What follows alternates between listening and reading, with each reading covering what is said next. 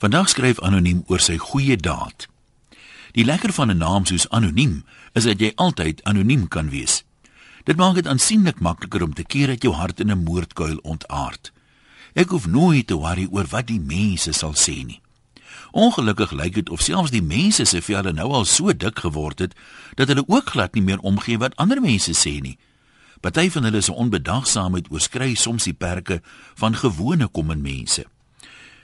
Sommige net om te kyk hoe hulle sal reageer, het ek besluit om dit te konfronteer as dit weer gebeur.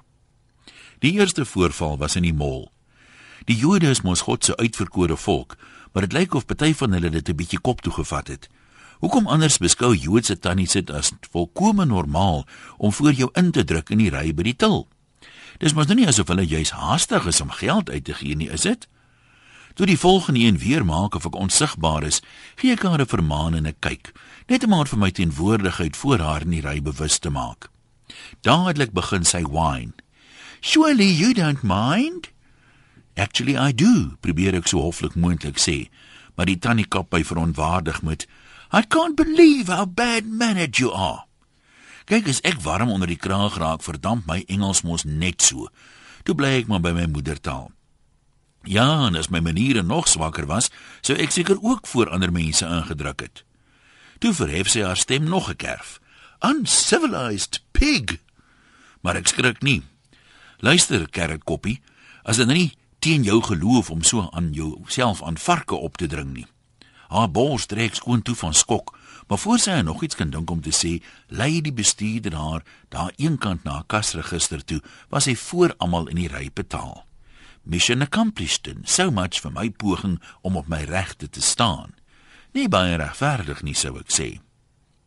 Net daarna staan ek by die poskantoor en ek kyk hoe 'n jong jafel op die gestremde se parkeerplek stop.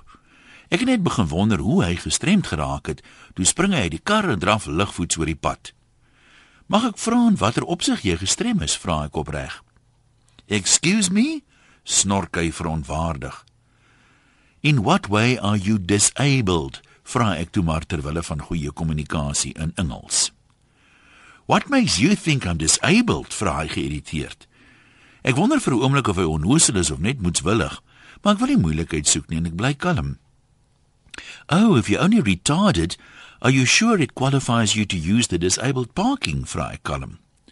I'll park where I want you old fart, snou hy my toe en hy vat die pad. Ek gaan soek toe maar die sekuriteitsmense en ek vra of hulle sou belangstel om die knaap se wiel te klamp, soos die bordjie mos dreig.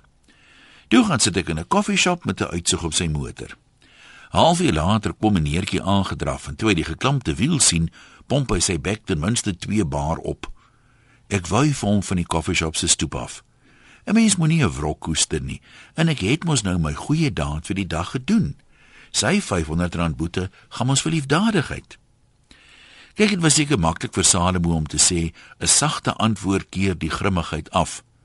Is ek reg as ek sê hy was nooit in sy hele lewe in 'n mall of in 'n motor nie.